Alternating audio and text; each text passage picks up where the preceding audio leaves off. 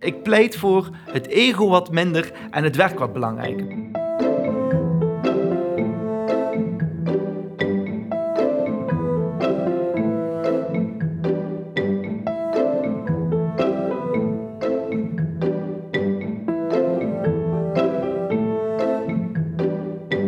Welkom bij de podcast Theater heeft geen zin, maar ik wel. Ik ben Leonie Koelman. Ik ben theatermaker en bestuurskundige. Ik ben Jascha Dikker, filosoof, jurist en theaterliefhebber. In deze podcast gaan we op zoek naar het antwoord op de vraag: Wat is de waarde van theater voor de maatschappij?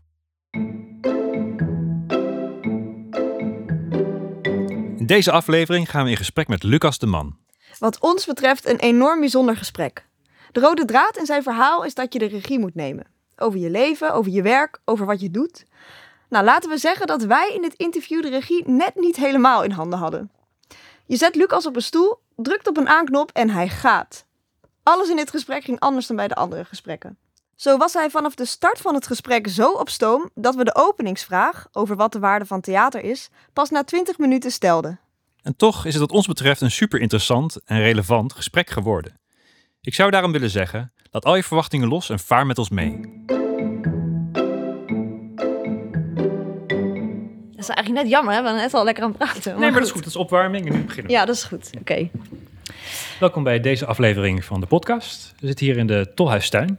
Met onze tafel zit Lucas de Man. Ja, Hallo. hallo. Wil je jezelf even kort voorstellen? Eh, ja, ik ben Lucas de Man. Ik kom eh, oorspronkelijk uit België. Daar woon ik eigenlijk trouwens nog steeds. Ik woon ook in Amsterdam. Ik ben eh, oprichter en directeur van twee organisaties. De ene heet Stichting Nieuwe Helden, Company New Heroes. Waarmee we al 13 jaar, zat ik net te bedenken, eh verhalen en verbeelding brengen. In binnen- en buitenland. Ik ben 38. En ehm, met Nieuwe Helden doen we eigenlijk actuele thema's. En we, maken daar, we zoeken daar de juiste vormen bij. En we brengen dat naar een publiek. Dat wil zeggen, dat kan van tv tot theater, tot boeken, tot installaties gaan. En met Biobased Creations, dat is een week oud, de organisatie. Maar bestaat al twee jaar, maar nu is het een aparte organisatie. eh, doen we hetzelfde, maar dan met de natuur. Eh, en dat is echt de bedoeling om die transformatie in de, in de bouw, in de landbouw, in het eh, wonen te maken. En we maken eigenlijk installaties die eh, gekweekt zijn door de natuur. Zoals je ook boven jou ziet, van die mosdingen en zo. Maar wel kunst dan. En de bedoeling is daar ook weer het verhaal te dragen. En de komende jaren is alles wat wij doen, hebben besloten, gaat voor een bijdrage aan de herwaardering van wat van waarde is. Dus Oh, ons, ons, ons doel is eigenlijk, we moeten naar een ander concept van wat is waardevol, wat, wat geven wij waarde, ook financieel, en wat, is, Ja. wat geven wij waarde. En dat zit nu eigenlijk totaal fout. We zitten eigenlijk in een soort eh, laat kapitalisme die enorm bezig is met wie, wie, wie minst nut toevoegt aan de maatschappij, krijgt meest geld eigenlijk. En, en degene die ontzettend veel doen, en dat gaat van verpleegsters tot eh, onderwijzers tot kunstenaars, worden gezien als een soort van, eh, nou, die moet je vooral niet te veel geven, want straks pakken ze jou en zo. Er zit in onze huizenbouw natuurlijk, beton is nog altijd koning en meester, Ja. terwijl dat absurd is. We zitten nog altijd in fossiele brandstoffen, terwijl eigenlijk moeten we naar een andere manier van denken. En van macro tot super micro gaat het over een herwaardering van wat van waarde is. En een van de duidelijkste ziekten daaraan is natuurlijk de burn-out die bij onze generatie enorm veel voorkomen. Dat is dat gevoel van het heeft geen zin of geen waarde wat ik doe. En ik heb het gevoel dat ik altijd tekort kom. Als je een ander waardesysteem hebt, krijg je minder burn-outs, krijg je meer samen en volgens mij ook een iets interessanter leven. Of het beter wordt, dat weet ik niet, maar sowieso interessanter. Dus we hebben gezegd, in elke uiting die wij doen met die twee organisaties, moet het bijdragen aan die herwaardering van wat van waarde is. Dat vind ik wel een mooi statement. En heb je dan ook een duidelijk beeld van wat die waarde moet zijn? Hoe ga je op zoek naar wat de nieuwe waarde moet zijn? Nou, dat is een hele goede vraag. Kijk, ik denk niet dat ik ze hoef te be- be- weten wat ze zijn. Het is natuurlijk wel menselijk gericht. Het is natuurlijk mensen-natuur gericht. Het gaat over nederigheid. Kijk, in eh, eh, het gedicht van Luceberg, waarin hij schrijft... alles van waarde is weerloos. We hebben gezegd, krijgt het weerloze wel nog waarde in deze tijd? Hmm. Dus het gaat sowieso om de waarde van het weerloze. Alleen, wat is dat weerloze? Daar kun je natuurlijk heerlijk over filosoferen als kunstenaar. Maar wat mij betreft, kijk, de reden wat mensen zeggen soms... jullie doen zoveel verschillende projecten, wat is de lijn? Ik zeg, nou, de lijn is dat. Als ik dus aan de ene kant een project doe over erotische fantasieën... die heel erg gaan over een soort statement tegen de illusie van maakbaarheid. En dus het idee dat je eigenlijk je fantasie heb je namelijk niet in de hand, die heb je. Nee. Dus die is super kwetsbaar. En daardoor vind ik krachtig. Het maken van een huis dat volledig uit eh, de natuur bestaat en die dus over zoveel jaar ook weer terug de natuur in kan, is ook kwetsbaar. Dat is ook de reden waarom banken er nu nog geen geld aan willen geven. Maar het feit dat die kwetsbaarheid is wat we nodig hebben om de crisis waar we nu in zitten tegen te gaan, vind ik dus geniaal. En is dat zo? Dat is best een stelling, dat we die kwetsbaarheid nodig hebben. Ja, absoluut. Nou, die kwetsbaarheid nodig hebben, die kwetsbaarheid is er, alleen krijgt nu niet de waarde die het verdient. Maar waarom hebben we het nodig om uit de crisis te komen? Dat zei je net. Nou, we hebben nood dat het weer de waarde krijgt. Hè? Dus de kwetsbaarheid Mhm. is er. Hè? Dat is jij, kijk, jij als mens weet god niet wat je hier aan komt doen. Je loopt hier maar rond en je doet maar wat. Dus in die zin is de kwetsbaarder sowieso. Het Ja, maakt je mens. Alleen het feit dat we daarmee bezig zijn, het feit dat we denken van hé, hey, dat is eigenlijk het zoeken bijvoorbeeld, het samen zoeken, het proberen te snappen. En dat met respect voor bijvoorbeeld de natuur of wat er al is, is een, is een, is denk ik een belangrijk tegengif tegen een soort groter, meer, beter, best, eh, iedereen voor zichzelf. Ja. En waarom dat, dat belangrijk is? Omdat we gewoon een, een massale mentale ziekte hebben in onze maatschappij. En er gewoon mensen aan het vallen zijn. De ongelijkheid groeit sinds de jaren 70 groter dan ooit. Nou, ik ben daar niet echt voor. En dat kan je natuurlijk heel politiek vinden, dat kan. Maar ik ben gewoon niet voor grotere ongelijkheid, meer eh hyperindividualisme en nog meer burn-outs. Nee. Ja, want je, hebt het, ook- je noemt die burn-out ook, dat mensen dus wel het gevoel hebben dat ze heel erg moeten presteren, maar dat wat ze doen ook niet van waarde Juist. is. Dus dat je tegelijkertijd meer moet, maar dat niet zinvol voelt Kijk, eigenlijk. de, de, de, ik mocht ooit aan, een, eh, aan eh, alle eh, secretaris-generaals van gemeenten in België, dus wat jullie gemeentesecretaris noemen, die hadden een congres. Veel mannen, een paar vrouwen en één kleurling.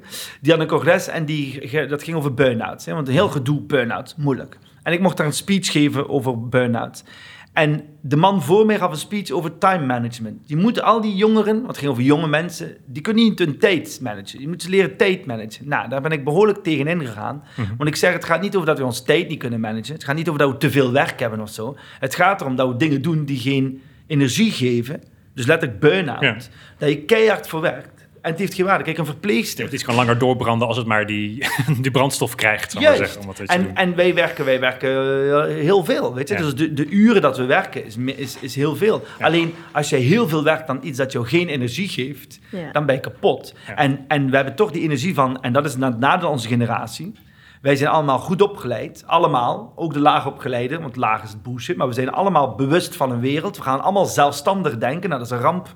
Want dat wil zeggen dat je iets wil, dat je, dat je ook verlangens hebt, dat je ook wil dat wat jij doet iets, iets toevoegt. Ja, dus waar je vroeger zeg maar gewoon werk had omdat je nou eenmaal werk moest hebben, moeten we nu... eh, Zingeving uit ja, en ook houden. werk waar je Juist. gelukkig van wordt en inderdaad... En dat eh, komt omdat werk en privé zo door elkaar lopen. Dus, dus wij werken misschien in uren. Het, is, het fysiek is minder zwaar. En een uur is niet 13 uur in de fabriek en weer weg. Alhoewel, hoeveel mensen ken jij die 13 uur in de fabriek hebben gewerkt? Dat is ook echt al een tijd geleden, weet je wel. Alleen, het was inderdaad de zingeving wat je deed. Dan. Daarna had je God en daarna had je een heel systeem Ja. van waarden. Of de, de vereniging. En de, je had heel veel systemen. Je kon daar tegenin, tegenaf zetten. Maar de gemiddelde mens hoefde dat niet.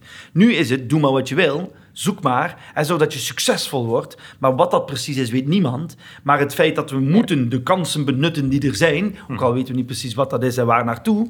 Dat wil zeggen dat je dus voor jezelf zingeving moet gaan vinden. Nou, er zijn weinig mensen die volledig zingevingspatroon kunnen bedenken. Puur voor zichzelf. En daaraan Ja. volhouden. Nou, dat is ingewikkeld. Ja, dus eigenlijk is het probleem van onze generatie dat we op zoek zijn naar zingeving, in die zin. Nou, dat we dat, we dat dus blijkbaar willen. En Ja. dus niet, niet echt goed vinden. En de dingen waar we het zoeken, hebben we het gevoel dat dat niche is. Ja. Kijk, ik kwam op de regieopleiding met het idee dat ik creator wil worden. Toen ik 15 was, had ik een manifest geschreven en ook verbrand, want dat leek mij exact wat je hoort te doen als je 15 bent, maar goed. En ik had een manifest geschreven over de creator, de creator, hè, dus degene die professioneel creëert. Ik zeg, dat beroep wil ik. Iemand die creëert, gewoon bezig is. Ik heb nooit gedacht, ik wil theater gaan doen of zo. Alleen ik deed heel veel eh, theater en al dat soort optredens en weet ik veel wat. Dus ik dacht, dat wil ik gewoon blijven doen. Toen zeiden mijn ouders, nou ga maar naar de universiteit. En als je het daarna nog wil, dan betalen we het. dacht ik, nou, prima. Eh, ik ga naar de universiteit, literatuur gedaan, filosofie gedaan en eh, improvisatietheater heel veel gespeeld enzovoort. En daar ontdek je dus dat het voor mij veel meer om een filosofische waarom ik wou creator zijn. Namelijk iemand die voortdurend, en toen was mijn eh, masterscriptie ging over de crisis van de publieke ruimte en in welke mate theater daar een Oh, tegengewicht in kan brengen. En dat ging mij heel erg over de mens heeft nood aan momenten dat hij zijn mens zijn mag beleven, delen, ervaren, Ja. zonder dat het dan opgelost kan worden. Want je kan het, de vragen van het leven niet oplossen. Waarom Nee, maar je kan het wel delen met elkaar. Maar je moet het delen, want anders ben je, ga je kapot. Ja. Weet je? En ik vond dat voor mij theater of kunst eigenlijk als doel had dat dat te faciliteren. Jouw mens zijn faciliteren. Dus niet entertainment voor de elite, maar een mens zijn faciliteren. Nou, en dan ga je naar de regieopleiding. En na een week vol was ik doodverveeld, omdat het uh, een of andere nozelaar kwam uh, Shakespeare uitleggen op het niveau van... Uh, twee kleuters, weet je. Want die had dan, weet ik veel, theaterwetenschap gedaan hier in Amsterdam. En dan had hij ook een Shakespeare-cursus gehad. En ik was toen, ik dacht van, ik ben niet in de foute opleiding. Want het was allemaal zo Want waarom? zo hoort theater te zijn. En dan heb je een acteur en een protagonist. En toen dacht ik, voor een kleuterschool, dacht ik.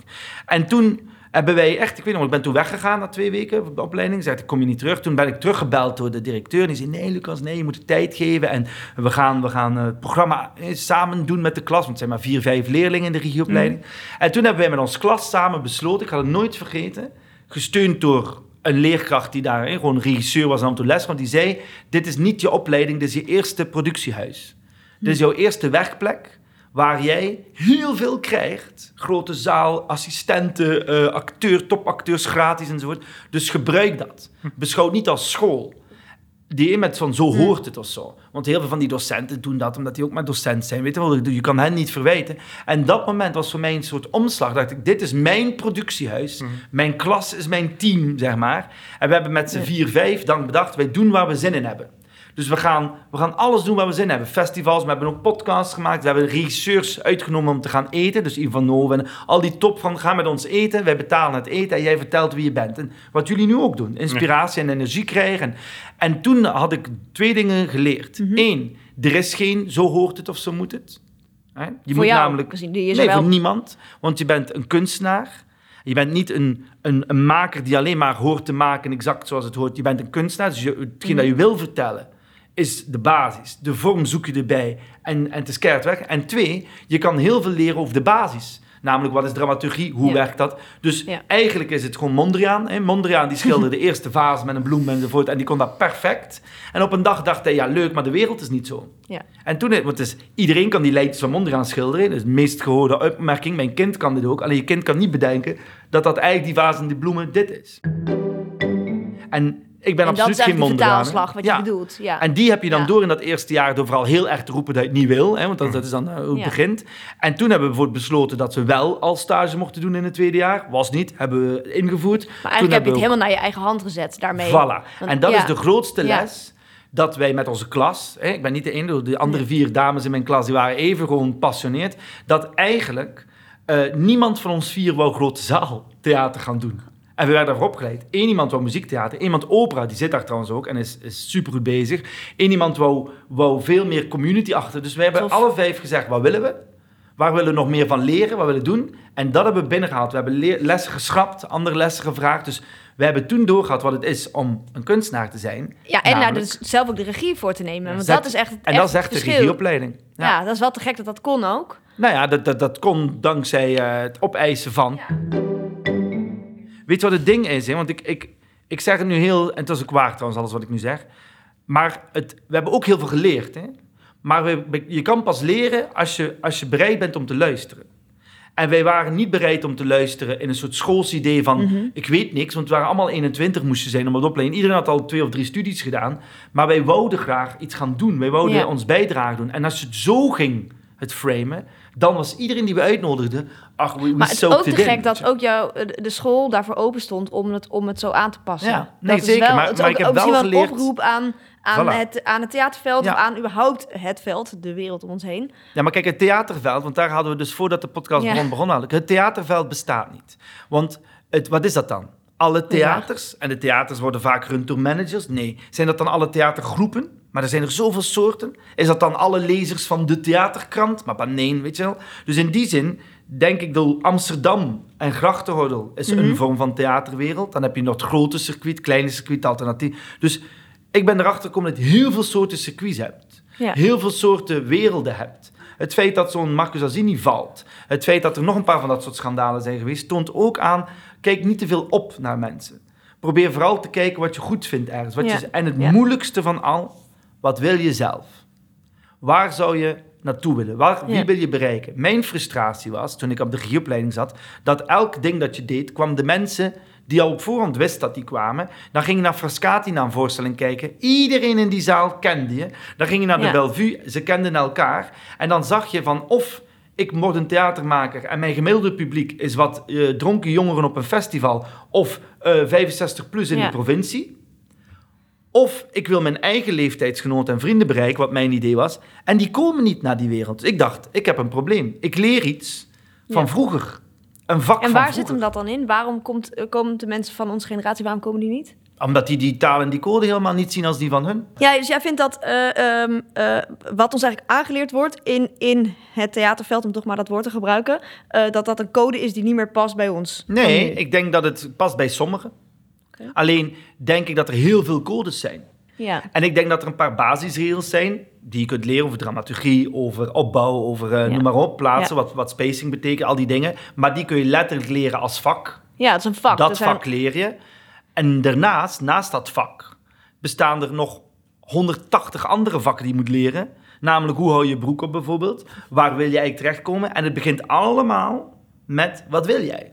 En dus volgens mij krijg je vier jaar op school om eigenlijk dat te gaan zoeken. Want die vakken, kijk, stembeheersing, hoe licht werkt, hoe dingen, tuurlijk moet je dat allemaal leren. En ik zou daar zelfs, ik doe daar af en toe cursussen nog bij voor, omdat ik dingen denk, ik wil dit, ik wil dit uitzoeken. Maar wat je het meeste leert in die vier jaar, is begrijpen, heb ik iets te zeggen? En wil ik dat zeggen? Of bijvoorbeeld, vind ik het ook vooral heel leuk om met acteurs een tekst uit te zoeken, weet je? En dan Ja, maakt het mij eigenlijk ook niet zo heel ja. erg uit of ik iets groot zoek. Kan ook. Dus het is allemaal oké. Dus het is zo, voor mezelf weet ik dat ik dat niet zo interessant vind. Het puur makerschap. En ik wil een maker zijn die op de juiste plek... Ik heb op al die plekken gestaan, ondanks mezelf. En niet omdat ik dat wou.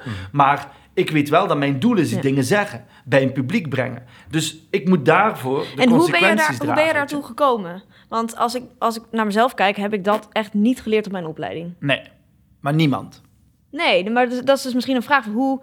eh, ik kan me voorstellen als er mensen aan het luisteren zijn eh, die aan het nadenken zijn van... Goh, ik, ik mis iets of ik voel eigenlijk dat gevoel wat je aan het begin schetste. Ik, ik mis iets. Ik heb het gevoel dat ik er niet toe doe. De wereld is fucking zinlo- zinloos. Eh, is het ook, ja. Is het ook, ja. Dus het moet zelf zin maken. Wat kan Ja. ik daaraan doen? Wat, wa- waar Zoeken door je? te doen. Wat zou je zeggen? Zoeken door te doen. Echt waar. Kijk, je bent, waarom ben je naar die opleiding gegaan? Omdat je aan het zoeken bent. Dus je denkt, Ja. ik ga naar die opleiding. Je hebt bestuurskunde gedaan, daarna heb je toch theater gedaan. Ja. Waarom? Omdat je aan het zoeken bent. Dus het is niet slecht om naar een opleiding te gaan. Maar het idee dat je denkt, op de opleiding wordt alles duidelijk en zal ik Ja. leren, is gewoon naïef. Omdat het is al een contradictie in terminis om een opleiding voor kunstenaars te hebben. Dat is natuurlijk, natuurlijk totaal weird, weet je? Alsof dat je kunstenaarschap kunt leren. Maar het neem uit die opleiding, of eerlijk gezegd uit gelijk welke opleiding, of je nu recht en filosofie doet of bestuurskunde, is dat ook allemaal interessant als kunstenaar om te leren. Op een kunstopleiding leer je A, vrienden maken, dus gewoon een netwerk opbouwen. B, ruimte om te experimenteren, te falen, Ja. te doen enzovoort. En inderdaad een paar tools, handvaten, die handig zijn om je of te gebruiken of tegenaf te zetten. Alleen dan ben je afgestudeerd en dan begint het eigenlijk. Ja. Namelijk, wat wil jij? Waar wil je terechtkomen? En dus het theatercircuit, dus bijvoorbeeld Ja. een aantal festivals, die is ook nog maar 20, 25 jaar oud, hè, de festivalwereld. Dan heb je de, de, allee, dus de grote, hè. dan heb je de kleine zaal, is ook niet zo heel oud. Die grote zaal, nou dat is fucking oud, weet je wel. En als je Ja. daarin wil, doe maar, maar dat is, ook- dat is dan heel veel regels. Of al de rest. En al de rest gaat van eh congressen tot bedrijven, tot online, tot eh, scholen, Ja. tot alles, de hele wereld. Dus dit, we hebben het over 1% van de, van, de, van de 100%. Daar zitten die theatermakers allemaal te vissen. Allemaal in diezelfde vijver, Ja, of ze klopt. zijn vissen in hetzelfde vijvertje. Klopt. Terwijl, ik beschrijf het als volgt. In een dorp met alleen maar bakkers is het heel raar om als bakker te gaan wonen. Toch? Dus ik vind het heel raar dat we met z'n allen, zoals je theaterwereld ziet, die gaan allemaal naar elkaar kijken. Door 60% van de kaarten wordt gekocht door mensen uit die wereld zelf. Die allemaal naar elkaar gaan kijken en elkaar duimpjes gaan geven naar beneden. Dat is super weird. Alleen, als je een beetje breder kijkt, zie je dat er heel veel gecreëerd wordt. Want wat doen wij? Verhalen vertellen voor een live publiek. Dat is wat we doen. Dat kan ook in een podcastvorm, dat kan op een festival, dat kan op zoveel plekken. Nou, en op dat gebied zeg ik, er is heel veel werk voor ons. Alleen als jij per se in het geëstablished kleine toneelwereldje wil Mhm. zitten, want dat is voor mij anders dan theater, ja, dan, dan moet je aan de regels houden. En die zijn ongeschreven en raar. En moet je met die naar bed of met die spreken of daar. En dan ben je de hype van de dag en weer weg. En dan, uh, uh. maar al de rest is vrijheid. En, eenzaamheid. En wat is er nog eh, ruimte voor dat toneelwereldje ook nog volgens jou? Ja, tuurlijk. Als er nog altijd opera is. er zeker nog toneel. hoor. Nee, zeker. Tuurlijk, tuurlijk. Alleen, ik denk dat de gloriedagen van toneel Ja. voorbij zijn. Net zoals de gloriedagen van opera. Maar opera eh, heeft nu, er zijn nu heel veel 65-plussers met tijd en geld, dus opera eh, floreert weer. Maar, maar de vorm zingen en een verhaal vertellen zal natuurlijk blijven. Hè? Ja. Maar de traditie van de opera zal nooit voorbij gaan. Zal zichzelf altijd heruitvinden. Maar om opera van te houden, moet je het kennen, moet je het geleerd hebben, moet je in die wat is het, 86 stukken die er zijn zitten, zoiets. Nou, en bij toneel is hetzelfde. Weet je, als je daarvan houdt, jullie houden daarvan, nou, dan moet je daarvoor strijden. Ik hou van theater. Ik hou van het gevoel hebben dat ik ergens mee mag genomen worden in een verhaal met iemand die live bij mij staat, maar dat hoeft niet via de wand, het hoeft niet aan alle regels te zijn. Ik vind het soms heel moeilijk als ik zie dat acteurs maar een soort fake doen, maar dat is mijn smaak. Maar en, en waar, hoe zou je dan, want je zegt, je maakt best wel duidelijk scheiding tussen toneel en theater. Hoe zou je dan eh, theater omschrijven? Theater Wat is, dat alles dat de, theater is elke vorm van verhaal vertellen aan een live publiek. Dat is theater. Gewoon letterlijk wat het is. Een live, een verhaal vertellen aan een live publiek. En dat kan op heel veel manieren. Ja, want je had het net ook Maar over... fictie en non-fictie in elkaar lopen. Kijk, het grote kracht die ik heb, de reden waarom ik geen journalist ben, of ehm, non-fictie, eh, fix, nee, non-fictie ehm, maker, is omdat de, de, de kracht van kunst, dus ook theater, is dat je fictie mag toepassen. Is dat je mag, mag veranderen. Is dat je verbeelding mag gebruiken. Is dat wij dus, kijk, je hebt een pot, nu dit is, dit is non-fictie. We doen een podcast, ik zeg wat ik zeg, jullie zijn wie jullie zijn. Nou, dit zou je exact hetzelfde kunnen doen en toch theater laten zijn, doordat dit bijvoorbeeld gescript is. Ja. Of doordat bijvoorbeeld wij bedacht hebben van, eh, we hebben een insteek of een plan bedacht. Dus eigenlijk het feit dat je een plan bedenkt, een construct bedenkt, omdat je een, een publiek wil iets meegeven of bereiken, maakt het verschil tussen theater en real. Alleen wat je ziet nu, is dat de tendens om realiteit op theater te brengen, is, waarom? Omdat de werkelijkheid zo theatraal, theatraal is, dat we nood hebben aan handvaten. Dus bijvoorbeeld zo'n Anouk die dan een shellzaak doet. Wat is het verschil tussen journalistiek en theater? Nou, het feit dat zij mag dingen, eh, personages bij, bij dingen, mag dingen aanpassen, maar dit is Ja, het ligt heel erg op, eh, op het zijde draadje eigenlijk, het verschil. Zeker. Ja, en je ziet dat dat een tendens is, maar er Ja. zijn veel tendensen. Ja. En het mooiste, nogmaals, is blijf dicht bij wat jij wil maken. En dan is het altijd juist. Zal het dan makkelijk worden om bijvoorbeeld werk te vinden of een publiek te vinden? Nee. Maar in de traditionele theaterwereld of toneelwereld Ja, ook, ook niet. niet. Dus in die zin... Het is best wel een deprimerende boodschap eigenlijk. Het is sowieso moeilijk. Nou ja, dat- Nee, maar het is gewoon reëel. Alleen, het kan. Ik ben een van de bewijzen, en er zijn er heel veel Ja, bewijzen dat het ja. kan, zonder dat je moet in die traditionele wereld komen. Alleen, het is wel eh eh verdomd eh, ingewikkelde beroep die je kiest. Ja. Omdat het namelijk de onzekerheid, de onzekerheid en kwetsbaarheid van je eigen ideeën versus de kracht en doorzettingsvermogen die je moet hebben om iedereen te betrekken en geld te vinden en Hmm. publiek te hebben. Ja, dat, dat is een gek... eh, want dat vind ik ook wel mooi. ehm, eh, nou ja, ter voorbereiding op dit interview... Of eigenlijk niet eens ter voorbereiding. Ik heb een keer jouw boekje gelezen. Ik heb een boekje Je geschreven. hebt een boekje geschreven. En eh, dat was eigenlijk een van de aanleidingen om je uit te nodigen überhaupt. Dank je. Ehm, eh, je schrijft dingen die best kwetsbaar zijn. En tegelijkertijd heel, eh, heel stellig. En dat is eigenlijk nu ook... Je, je begint meteen met praten. Best zelfverzekerd en stellig. Maar je zegt hele... Voor veel mensen kwetsbare dingen. Ja. Van, eh, het is de eenzaamheid. Het is... eh, eh, niet weten... het is het, ja, je moet het niet weten omarmen. het is fu- fucking kwetsbaar om, Ja. om, om eh, te zoeken bij jezelf, om vanuit daar te starten. Het is een moeilijke wereld. Een wereld met heel veel conventies, eh, met vechten.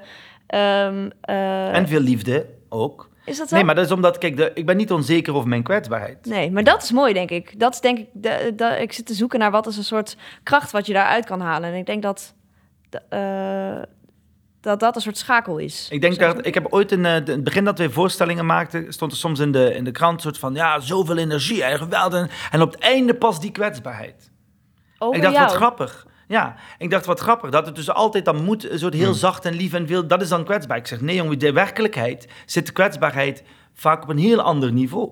En met heel, weet je, dus het feit dat ik een voorstelling, nou ja, doel, het, ik denk dat wij graag een beeld geven van kwetsbaar. Dat is lief en zacht en mooi en dat. Maar kwetsbaarheid is niet alleen maar lief en zacht. Kwetsbaarheid kan heel hard zijn of heel, heel nuchter of heel, Mhm. heel mooi. Ik heb in Afrika een paar keer gewerkt met eh, gehandicapte kinderen.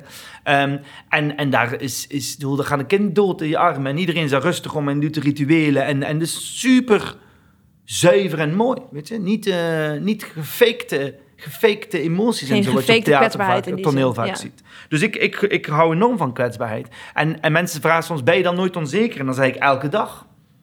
Elke dag. Alleen, Punt. Ja, punt. Ja, net zoals ja. jij en net zoals jij elke dag. En soms denk ik het was niet goed, of denk ik ik ben te dik, of te dat, of te dit. En dan, ja, goed. Maar dat is niet zo interessant. En vooral mijn kunstenaarschap heeft daar niet zo heel veel mee. Dat heeft wel iets met de diepere lagen van het leven. Want ik word uiteindelijk, moet je bedenken, wij doen een beroep. Hè? Mhm. Wij vragen, we zijn zo arrogant om geld te vragen voor wat we doen. Hè? Dus in die zin, we zijn is niet, eh, wij kunstenaars, graag. Nee, we hebben een beroep. Dus of je hebt een hobby, en dan, moet je nieuwe, dan kun je zagen wat je wil, maar je hebt een beroep. Nou, mijn beroep is dat ik betaald word om de essentie van het leven vorm te geven. En de essentie is niet van dat ik die ken, maar is de basis wat de mens is. Zoals een psychiater probeert jou te helpen als je geestelijk moeite hebt, en een dokter als je fysiek moeilijk hebt, is een kunstenaar als je het essentieel moeilijk hebt. Nou, een filosoof doet dat ook, maar die doet het een beetje op zichzelf en schrijft allemaal een boek. En een kunstenaar eh, die doet dat dat, dan eh, voor in verbeelding. publiek, ja. ja. Dat is eigenlijk wat wij doen. Dus Is het dat een- ook voor jou de kern dan, eh, als we terug naar de vraag, wat is de waarde van theater? Ja, het is ook een kunstvorm. Is dat voor jou dan de essentie Ja, zeker. daarvan? Of zou je het anders formuleren? Nee, dat is absoluut de essentie. En kijk, en voor mij is het, het, het, het- wat theater nog meer doet dan wordt een boek, is dat je deelt met anderen. Dus dat je gezamenlijk die ervaring krijgt en het individueel verwerkt, maar het ook nog kan delen en, en het over kan hebben. En, en je was er met z'n allen. Ja. En, de, en, en dat kennen jullie ook. Het, het, het groepsgebeuren in zo'n live ding is fantastisch als dat Ja. lukt. Weet je? Want je voelt ook Zeker. wanneer het lukt. Je voelt het gewoon. Ja. En dat is verslavend. Voor die paar keer dat echt lukt, doe je al die moeite eh, de hele Ja. tijd opnieuw. Al maar ik wil nog één ding zeggen over, over wat we eerst zeiden. Kijk, ik neem mezelf niet zo serieus, maar wel mijn werk. En ik vind dat je vaak ziet dat mensen zichzelf heel serieus nemen en hun werk een beetje aan werken, maar kunstenaar. Nou, ik, vind, ik ben heel trots dat ik dit mag doen. En ik vind het heel belangrijk wat wij doen. Ik zelf ben niet zo belangrijk. Ik zelf ben een... eh, Nou, dus jij als mens bedoel je, dus Ja. als persoon. nou, of als Lucas, of als whatever, weet je. Dus, dus, dus je ziet heel veel bij Mhm. kunstenaars of bij makers van- eh, Ik heb dit gemaakt, maar Ah, dan... ja. ja. we zijn maar theater en, en, en, en god, ja, waarom krijgen we geen geld en niemand ziet ons staan? En, dus, dat, is, dat is jezelf naar beneden praten, omdat je het ego belangrijker vindt dan het werk. En ik, vind, ik pleit voor het ego wat minder en het werk wat belangrijker. Dus wees wat trotser op hetgeen dat wij doen en waarom we dit doen. Het is super belangrijk in onze maatschappij. De lobby voor de kunst is, is standaard slecht. De laatste tijd iets beter. Belangrijk wat we doen. Alleen wij zelf, ja, god, Wat vind je beter aan de lobby geworden? Nou ja, dat we iets duidelijker tegen politici en ministers kunnen zeggen waarom ze ons moeten steunen. Is dat zo? Wat zou je zeggen? Nou ja, de- de- het, het- het is toch gelukt om te zorgen dat er steun is. Dat is voor het eerst in lange tijd dat ik weet dat er in Nederland Ja, dat klopt. en Vlaanderen is nog niet gelukt. Maar dit is voor ons wel ook een van de aanleidingen geweest. Eh, ja, we zitten natuurlijk ook wel eh, beide in, het- in het politieke wereldje een beetje. Eh, hoe, ik, vind, ik ervaar een heel groot gat tussen mensen die in de theatersector werkzaam zijn. Dus voor al die festivals, podia's, theaterwetenschappen, et cetera. En, en, en mensen die nooit naar theater gaan of naar een theatrale vorm. Eh, eh, hoe, leg je, hoe, hoe praten die werelden met elkaar? Eigenlijk niet, voor mijn gevoel. Nee. En het lukt zelfs mij slecht om uit te leggen aan, aan zeg maar, eh, ik gebruik steeds als metafoor mijn bestuurskundevriendinnetjes, om aan hen uit, uit te leggen waarom het voor mij van wezenlijk belang is om te maken. Ik krijg, ik krijg dat niet vertaald op de een of andere manier. Ja, ik, en, en, en ik denk dat ehm, wij niet anders doen dan dat vertalen. Alleen gebruikt iedere keer andere woorden. Dus de vrijheid die je hebt als, eh zoals ik het noem, creator om te creëren wat je wil, heb je dus ook in hoe je jezelf voorstelt. Hier, ik ben hier omdat ik een theaterachtergrond heb. Cool. Soms ben ik daar als ondernemer, soms zit ik er als eh, tv-presentator, soms zit ik er als eh, verhalenverteller, soms doen we doen het give the label, weet je. Dus be- bes- besef, eh, Peter Brook zei ooit, de, de, de, de artist is the only one who can work in the morning with the Queen of England and in the evening with the homeless person, all for his job. Dat is onze taak. Dus onze taak is niet zeggen, zij zien ons niet, eh, eh, eh, want dan nogmaals, Ja. dan eh, overschat jezelf en onderschat jezelf tegelijk. Onze taak is te zorgen dat wij eigenlijk snappen hoe we iedere keer met iemand kunnen praten, zodat wij uiteindelijk ons doel Ja, bereiken. dus je, je, je toont waarde door te, door te creëren, door te maken, door aan, aan projecten te werken waar je zelf In gelooft. in gelooft en waar je, waar je hard naar uitgaat. Ja. En daarmee laat je je waarde zien. Sowieso, en daarmee bereik je ook publiek. Want er is enorme nood onder publiek. Alleen, er is een verschil dat je zegt... Kijk, ik vind het arrogant om te zeggen dat je zegt... Jij moet naar ons komen en jij moet Schiller begrijpen. En je bent dom als je het niet begrijpt. Ja, ze komen maar niet. Ja, die mensen zijn echt zo dom. Dat is, hoor je heel vaak. Dan denk ik, nee. Als jij, per, als jij echt, echt Schiller wil doen... want je denkt, Schiller klopt nu en ik moet dat doen... dan heb je twee keuzes. Je doet het en wie komt, komt er. En dan eh, per. Of je denkt, ik wil een aantal mensen echt Schiller leren kennen. Dat is dus jouw arrogantie, jouw noodzaak. ja, want jij vindt Hè? het belangrijk vindt en het je denkt dat anderen Nou, dan moet jij de moeite nemen. En wat zou je dan moeten doen? In zo'n Weet ik veel, ik wil Schiller niet brengen aan iedereen. dus dat is aan, de, aan die persoon. aan de wil. brengende. Ja. Ja,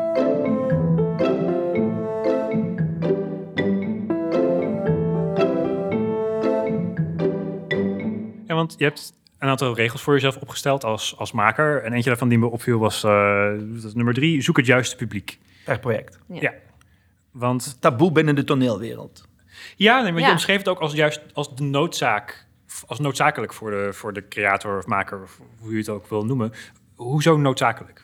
Nou kijk, dit is, deze regel is voor mij super belangrijk. Het is ook de enige regel die mij af en toe verweten wordt vanuit de toneelwereld. Dat ik dat te veel doe. Omdat het gezien wordt als iets negatiefs. Je moet maken, wie komt, komt. En ik denk, dan, dan denk je dat iedereen jou ziet en beslist om te komen of niet te komen. Terwijl heel weinig mensen weten dat jij iets gedaan hebt. Ja. Dus het is een soort naïviteit dat ik heb dus opnieuw weer dat je zelf te belangrijk vinden. Je hebt de Schiller-voorstelling gemaakt en echt eh, alle liefde voor de Schiller-fans. Ik neem het puur als voorbeeld. Je hebt de Schiller-voorstelling gemaakt en je gaat ervan uit, mensen komen wel. Maar je doet dat bijvoorbeeld in een Frascati. Nou, het Frascati-publiek kennen we gewoon persoonlijk bij naam en sterrenbeeld. Weet je, dat is een bepaald soort publiek. Ja. En die komt dan naar die Schiller, want dat Ja. is in hun eh, adagio zit dat. Maar als jij je Schiller-voorstelling doet in een eh, gemiddeld theater in de provincie, komt er niemand. Weet je, behalve die mensen die een vast abonnement hebben en die naar elke voorstelling komen. En die kunnen er ook van genieten. Dus het gaat niet om jouw Schiller-voorstelling. Het gaat erom dat waar jij staat, in die context komt er een bepaald publiek, omdat dat nu eenmaal zo is. En in onze wereld van vandaag wordt dat steeds verbrokkelder. Dus stel nu dat jij zegt, ik wil Schiller doen, want ik heb daar dit mee te zeggen. En dan zeg ik, denk dan ook na, wie zou je daar absoluut willen hebben zi- zitten in jouw zaal? Als jouw antwoord is, maakt mij niet uit, prima. Maar je moet erover nadenken. Als jouw antwoord zou zijn, nou, eh, bijvoorbeeld, ik zeg maar, Schiller gaat over burn-out, dan gaan we dat, en die generatie moet daar zeker zitten. Nou ja, dan weet jij dat als je dat doet in eh, de provincie, die daar niet vanzelf zullen zitten. Dan weet jij ook dat als jij niet alleen maar intern theaterpubliek wil hebben in Frascati, dan ga je die moeten gaan zoeken. En dus er is een taboe in de toneelwereld. en die begint natuurlijk geleidelijk aan te kantelen, want de jonge generatie trekt het ook niet meer. Maar er is een taboe dat je maakt en wie er komt, dat is, dat is je publiek. Terwijl dat, dat publiek gewoon altijd hetzelfde is. En hetzelfde denkt, let in Ja. dezelfde kaders. Dat zijn ook de mensen die recensies geven. Die geven al binnen hun eigen regeltjes, zeggen die wat moet. En die zeggen van, zo moet het. En dan ga je daar naartoe richten of niet. Hè? Als je goed bent, niet. Maar als je dat wel doet. En dan wordt het allemaal een beetje hetzelfde. En mijn Ja, antwoord terwijl is, zij eigenlijk zeggen, eh, het is wel grappig, zij, zij zeggen juist, ik werk heel autonoom en ik werk puur vanuit wat ik wil en wie er komt eh, boeit verder niet. Eh, dat, dat is enerzijds heel erg vanuit jezelf geredeneerd, terwijl jouw aanpak ehm, eh, start op een andere manier heel erg vanuit jou. Namelijk, dit is waar ik in geloof en ik vind het belangrijk dat die boodschap bij een bepaald publiek landt, dus ga ik me inspannen om dat publiek te bereiken. Juist, omdat ik Ja. ook vind, kijk, uiteindelijk wanneer ben je een geslaagd kunstenaar als je, als je met je werk impact hebt. Ja. Vind ik, hè? Nogmaals, dat, is wel mijn echt een, ja, Ja. Mijn mening is, ik doe dit gekke bestaan met heel veel ups en downs en miserie Ja. enzovoort, omdat ik blijkbaar iets in mij, bijna ondanks mezelf, wil dingen overbrengen, vertellen. Dus bijvoorbeeld dat erotiek project. Hè? En dus ik wou, dat, ik wou rond erotische fantasieën al lang iets doen. Want ik vind dat zo fascinerend. Het is een taboe en je merkt het gewoon. En in mijn, toen ik nog vrijgezel was, in mijn, in mijn wilde periode, kwam ik ook bij, weet je, de meisjes die ik date, die, die hadden nog nooit gepraat over erotiek. En zo. Ik dacht, alleen dat is een soort taboe. Ik moet daar iets rond doen.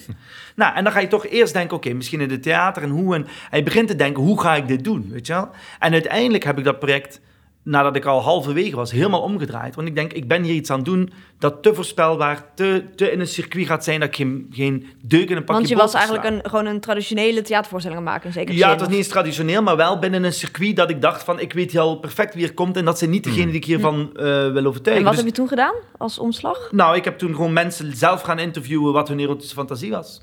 En daar hebben we een heel project van gedaan. En, eh en, voorstelling. en op podium ook, met publiek erbij. Dus eigenlijk eh, de performance gewoon. Ze zei, hoi, jij wist nog niet zoveel van dit project? Nee, we hebben jou gesproken, want jij doet de afwas binnen de paradevoorstelling. Ja, oké, wil je erotische fantasie delen? Nou, oké. En dat publiek denkt, wow, weet je. Nou, en leuk. En ook daar, de grap is, ook daar kreeg ik theaterrecensies van. En die vond het allemaal super. Wauw, eh, je voelde de kwetsbaarheid bij de persoon. Ja. En ook realiteit met, eh, met fictie vermengen. Dat is Zeker. En, en in het begin legden wij ons project uit. Er stond er, ja, het begin was wel droog, want ze, het leek precies of ze gewoon alleen maar een project aan het uitleggen waren. Maar daarna werd het spannend. En mij interesseerde het geen reet of dit een opbouw was die toneelwaardig was. Mhm. Ik wou gewoon mijn project uitleggen naar mensen. Zeggen, we doen Ja. research, we doen dat live op Dus het podium. was ook echt uitleggen in die zin. Tuurlijk. Ja. En dan op een leuke manier. En interesseert maar- het je echt geen reet, die recensies? Of... Nee, nee, vroeger wel. Hè? Want je bent Want je hebt jong ook en je wil... een, een positie inmiddels dat, dat je het kan, kan maken. Ja. Dat is ook. Nee, je dat hebt, je scheelt hebt heel prijzen gewonnen Ja. op, je, op je opleiding nog. Je Ja. bent, in, in die zin heb je... Nou, en vooral ook, eh, je, je begint door te hebben hoe relatief het is. En je kan dus, ervan leven. Dus ik heb van vijf sterren tot, eh, tot één volgens mij ooit een keer gehad. Of twee, nou ja, goed, weet je, dat. Ja. Het ergste is drie of vier, want dat is meestal gewoon van, nou, we vonden het goed of we vonden het eh, goed, maar dat niet. Of zo, weet je, dat, het zegt ook geen fuck natuurlijk. Het ding is, in het begin vind je dat belangrijk, want je hebt het gevoel dat dat...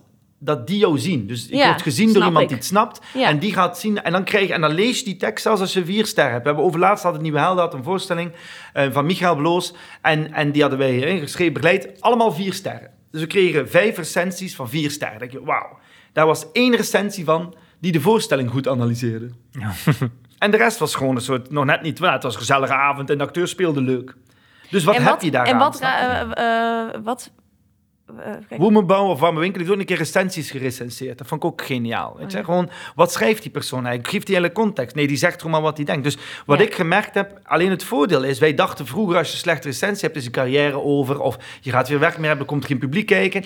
En als je in de toneelwereld zit, waar dat jouw enige circuit andere toneelzaaltjes is en toneelliefhebbend publiek is die moeten komen Mhm. kijken, kan dat. Maar als jij niet afhankelijk bent van toneelpubliek, lees die zeven Ja. bejaarden die nog komen en die drie jongeren op een festival, dan maakt het dus eigenlijk niet uit. Nou, wij spelen gemiddeld 100 keer hè, Ja. bij Nieuwe Helden, gemiddeld.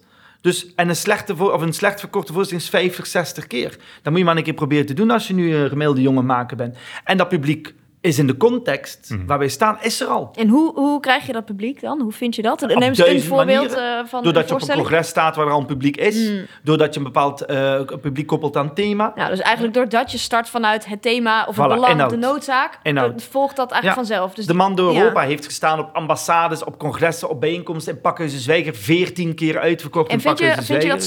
spannend? Eh, ben, je, ben, je daar, zeg maar, ben je daarmee bezig? Van wat als, eh, als ik geen publiek weet te bereiken? Of Ja, als ik zou dat verschrikkelijk vinden. Ja. Ik zou het verschrikkelijk. Kijk, je bent, je bent nooit tevreden. Nee? Laat ons daar duidelijk zijn. Want op een of andere manier ga je altijd toch verder dan dat het succes is. En achteraf denk je, eigenlijk was het niet zo slecht. Of eigenlijk was het gênant. Dat kan ook, weet je. Niet alles lukt wat je doet, maar oké. Ja.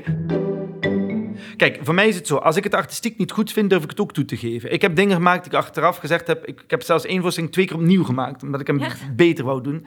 Ja, dus het is niet erg als iets niet goed genoeg zit. Want dat kun je beter maken. Het moeilijke is als iets niet klopt. Ja. En dan moet je het niet uitbrengen. En dat is in natuurlijk een toneel ook moeilijk, want alles ja, al want dan is verkocht. alles Ja. al eh, Moet je ook durven zeggen van nee, we zijn niet uitgeraakt of we dachten iets anders. Maar dat gebeurt eerlijk gezegd best zelden, want je bent namelijk natuurlijk wel professioneel. Dus je weet ook wel hoe je dingen maakt, weet je. De pareltjes, de, de persoonlijke hits, is wanneer dingen gewoon samenvallen. Wanneer Ja. je wat je wou, hoe het is, hoe het publiek het begrijpt, hoe je het bereikt en wat de spin-off daarvan is, Ja. samenvalt, nou, dan vliegt het. Want dan, dan, heeft het, dan is het out of your hands in een positieve zin.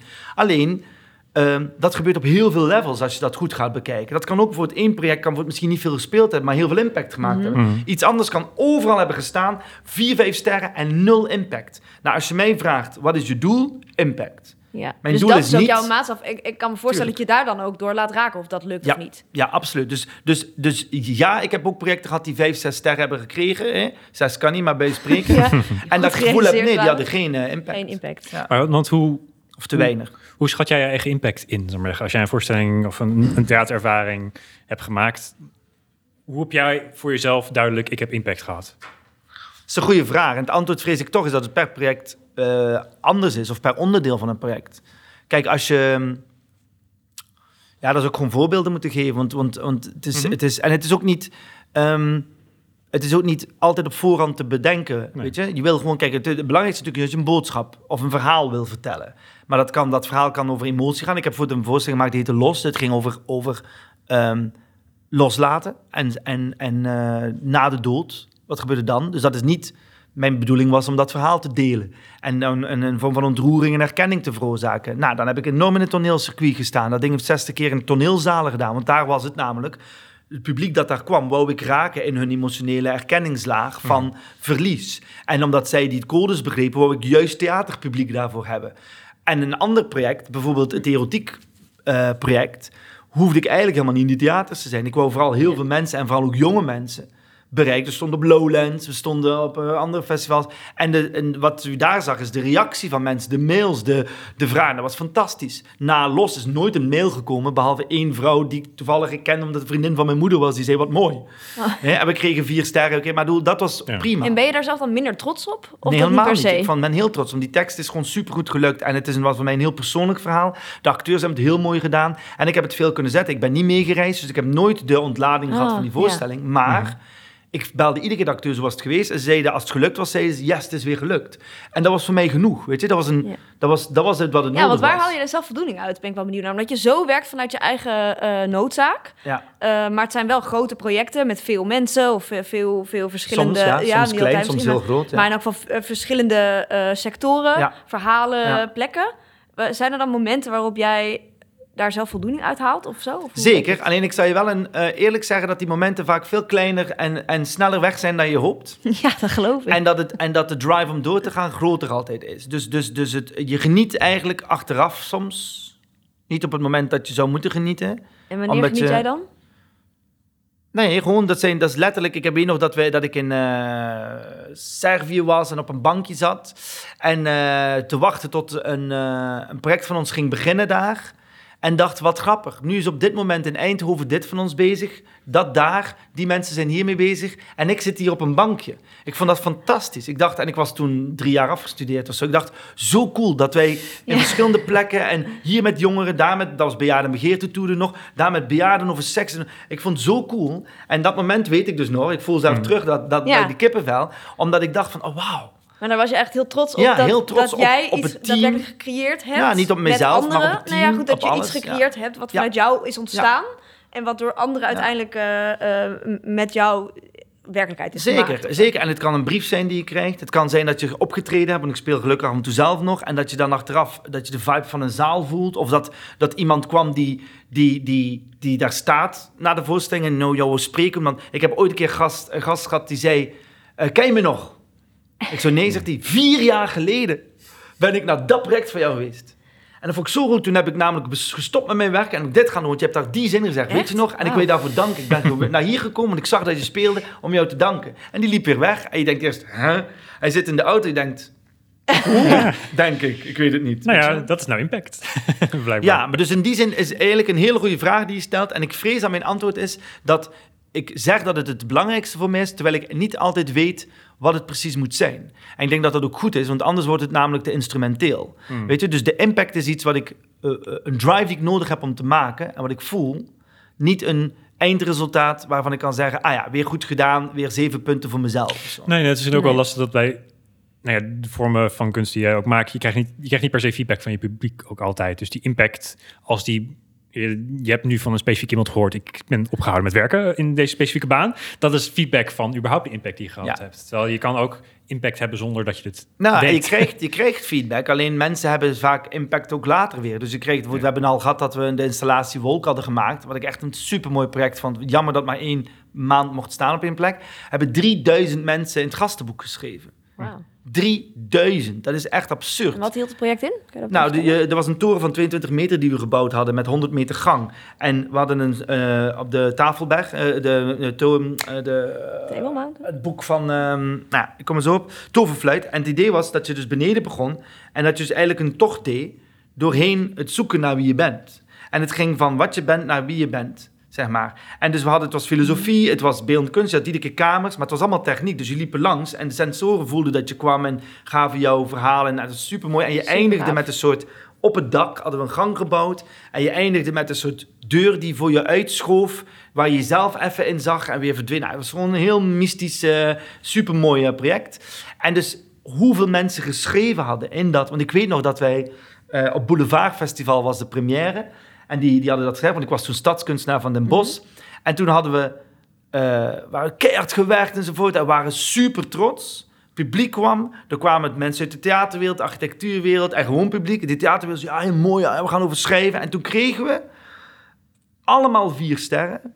Alleen niemand schreef over het decor. Van 22 meter hoog, 100 meter gang. Ze zeiden, wat een mooie ervaring en zo tof. En, eh, en Lucas heeft de verhaal geschreven, de tekst is van die. En eh, hij komt boven en heel mooi, vier sterren. Echt zo drie, vier zinnen. En wij dachten echt, wat de fuck man, weet je, waarom zien ze niet? En waarom niet? Omdat ze, dat is niet wat zij zien. Zij zien gewoon een ervaring in decor. Nou, decor staat er waarschijnlijk, weet je wel. Je bouwt een toren van 22 meter, want ja, dat staat er dan. De architectuurmensen schreven alleen maar over die toren.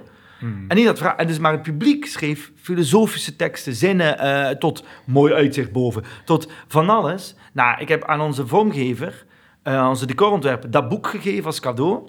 En hij zei nog steeds dat hij af en toe gewoon een paar bladzijden leest om weer energie te Kan je krijgen. er eentje uit, eh, weet je nog wat erin stond? Nou, de- het ging heel veel mys- mystieke ervaring. Dus het idee van ik mag even zijn en het, eh, het, eh, ik mag even weer nadenken over wie ik ben in deze wereld en waar ik sta. En ik vind dat fantastisch en ik heb gewoon dankbaarheid.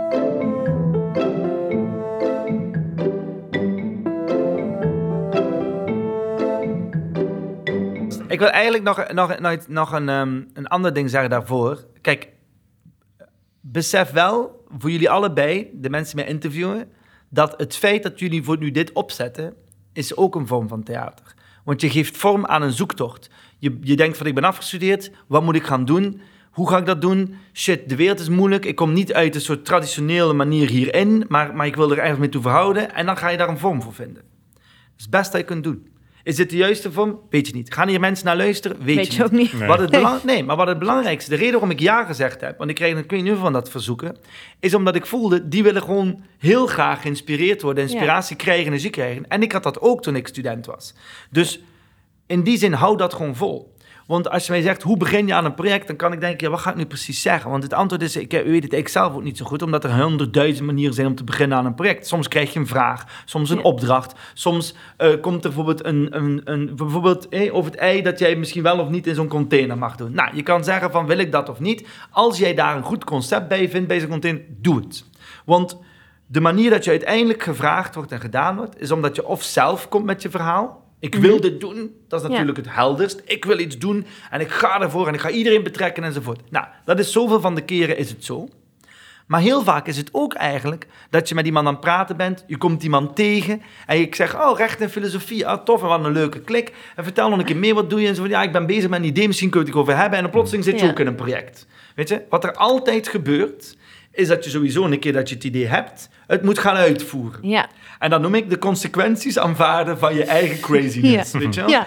En daar haken er veel af. Omdat het namelijk zoeken is naar partners, naar geld, geld of eh, uitvoering. Want het kan ja, dus hoeft het niet is cash te eigenlijk hebben. een, een, grote stap naar productie Ja. en naar de, de praktijk. Dus en je dan hebt een, dicht bij je idee blijven. Want de Ja, vorm kan veranderen, maar je idee moet hetzelfde zijn. En dat, daarom, kijk, dus, dus dat traject is het moeilijkste om te zorgen dat iets komt, Ja. dat je publiek het begrijpt. Wat doe je als je iets gemaakt hebt dat helemaal klopt en het publiek dat jij wil, die begrijpt het, maar bijvoorbeeld het theaterpubliek niet. Heb je dan gelukt of niet? Ik zeg tuurlijk. Als jij gemaakt hebt wat jij wil maken en degene voor wie het wil maken, stel dat je die in je hoofd Mhm. hebt, snappen het, dan ben je succesvol. Het zou kunnen dat maar één keer speelt. Het zou kunnen dat honderd keer speelt. Het zou kunnen dat je iets gemaakt hebt dat eigenlijk maar half gelukt is en heel veel speelt. Ik heb ooit acteurs gesproken die zeiden, ach, die voorstelling moeten wij twee jaar lang doen, want hij wordt overal verkocht, en we vinden hem niet goed genoeg. Weet je? Maar het Ja. publiek vindt het grappig, want het is leuk en kletsen en met deuren enzovoort. Dus dat lijkt mij het meest frustrerende ter wereld. Ja, dan zit je helemaal vast in. Voilà. Dus ja. het moeilijkste is Ja. van het idee en de noodzaak die je hebt, zorg dat met al die partijen, al die verschillende elementen enzovoort, dat je samen tot een geheel komt waarvan je denkt, yes, dit is wat we wouden, of dit komt dicht bij we wouden. En dat je dan ook nog eens, stap drie, mensen vindt die komen kijken die denken van, oh yes, wat fijn dat het er is. En, en, en toch lukt het heel vaak. Ja, dat is wel. Wat ik ervaarde de, tot nu toe. eh, ik, dus ik blijf het woord gebruiken, maar de theaterveld best als, eh, eh, als beklemmend. Of het is heel, het is heel dicht en. Zeker. en, en het is natuurlijk ook, je moet gewoon rondkomen. Het is ook gewoon hoe de wereld werkt. Je hebt maar eh 24 uur in een dag. Het is, er komen heel veel praktische dingen bij kijken... waar ik ook heel veel mensen op zie opbranden. Als we het nou hebben over burn-out. Dus het- ja, heel veel mensen stoppen Zeker. daarmee. En zeker nu, want jullie hebben het gezegd, die podcast doen we omdat er nu heel veel niet kan. En de- er kan heel veel niet. Ik denk dat het, eh, het goede aan deze tijd is dat de theaterwereld een even reset krijgt. Mhm. Er gaat heel veel failliet gaan en stoppen. Het nadeel is dat waarschijnlijk de goede, leuke dingen failliet gaan. En degene die er eigenlijk uit wil, niet. Weet je, dat is altijd de moeilijkheid. Ja. Maar de, ehm, ik mocht de speech doen voor afstudeerders van de HKU in juni, middencrisis. En ik zei, eh, je bent afzit, hoera, er zit niemand op jullie te wachten. Dat was een van de zinnen. Het voordeel dat er niemand op je zit te wachten is dat je kunt doen wat je wil. Het nadeel is dat je niet direct eh, zegt van kom maar, maar dat ben ik nog nooit geweest. Weet je? En als ze zeggen kom maar, dan hebben ze al een beeld wat ze met jou willen. En dan moet je maar net in dat beeld passen. dat dus, het, dus, dus in die zin kies je voor een beroep. Je, hebt, je had ook bestuurskunde kunnen blijven Ja, doen. klopt. Je hebt Ja. ook filosofie. En daar, het feit dat je dat niet doet, is omdat er iets zegt, ik, mag, ik ga het niet doen. Je kan dat nog altijd doen. Dus die drive is de reden waarom je doet wat je doet. Dan, als het gaat over geld verdienen, de vraag is hoeveel heb je nodig? Hoe kom je eraan? Want je kan, je kan dat ook regelen. Je kan bedenken, weet je wat? Ik wil kunnen maken wat ik wil maken. En daarnaast moet ik wat geld verdienen. Ik regel dat ook even. Dus het komt altijd weer bij. Ja. Lucas komt op de theaterschool regie. Denkt, dit is niet hoe ik het wil. Loopt eerst weg, want dat is de reactie die je hebt. Dit is niet voor mij, laat maar. Lees, ik ben, ik ben niet goed genoeg hiervoor. Want dat is natuurlijk ook wat je denkt. Of, of te goed, maar het is altijd onzekerheid. Dan wordt teruggeduwd door, door zijn ouders en zijn, en zijn mentor en whatever. Om dan te bedenken, nee, ik kan het aanpassen. Ik kan het veranderen, ik kan het anders doen. Dus die beklemmende theaterwereld, toneelweter, is er natuurlijk. Alleen die bestaat niet.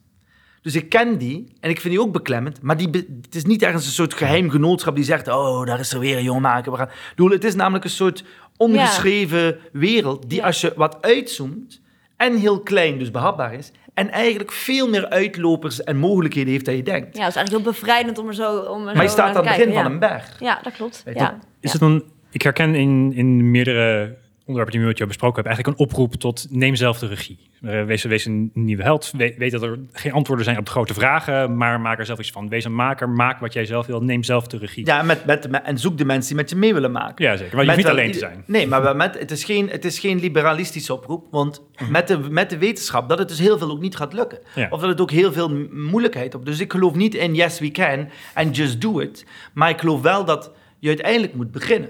Ja. Weet je?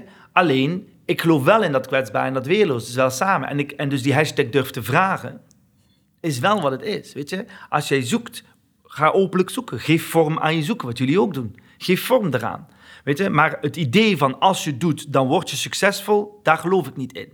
Dus de VVD-slogans geloof ik niet in. Maar ik geloof ook niet in dat soort eh gezapig fatalistische... eh, je, moet, eh, je moet je best doen in deze weg en dan kom je er misschien en we zien wel. En als je maar, de, als je maar goed luistert naar alle mensen... En dan denk ik nee, want dat is ook eigenlijk een soort van eh, engheid en oogkleppen op. Ik geloof in dat de wereld volledig chaos is.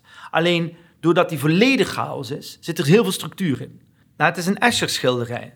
Hè? Er zijn allerlei soorten trappen, maar er is geen eindpunt. Nee. Dus je komt op een trap. Alleen het ding is, als je de trap waar je op zit niet wil... en je hebt de mogelijkheid ervan af te stappen, stap eraf. Ik besef mij natuurlijk ook dat heel veel mensen... bepaalde dingen niet de mogelijkheid hebben om dingen in handen te nemen. Ik ben, besef ook dat ik geprivilegeerd ben... doordat ik aan de universiteit heb kunnen doen... en een witte jongen ben in deze wereld enzovoort. En ik heb een boel vrienden die niet eens de mogelijkheid hebben om te zeggen... ik ga, ik ga even een maand lang eh, alleen maar schrijven, dat zie ik wel en zo. Maar aan de andere kant... ehm, En hoe heb jij dat voor jezelf wel gecreëerd?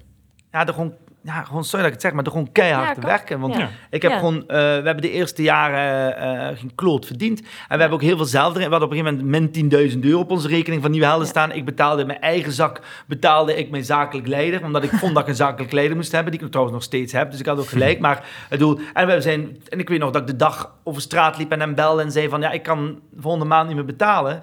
Dus ik vrees dat we even met Nieuwe Helden gaan moeten stoppen. Of dan ga je door, maar dan, dan is er niks. En toen kreeg ik weer telefoon letterlijk van Stichting Doen. Die zei, ja, we houden jullie een tijdje in de gaten. Zouden jullie geïnteresseerd zijn om drie jaar lang gesponsord te worden?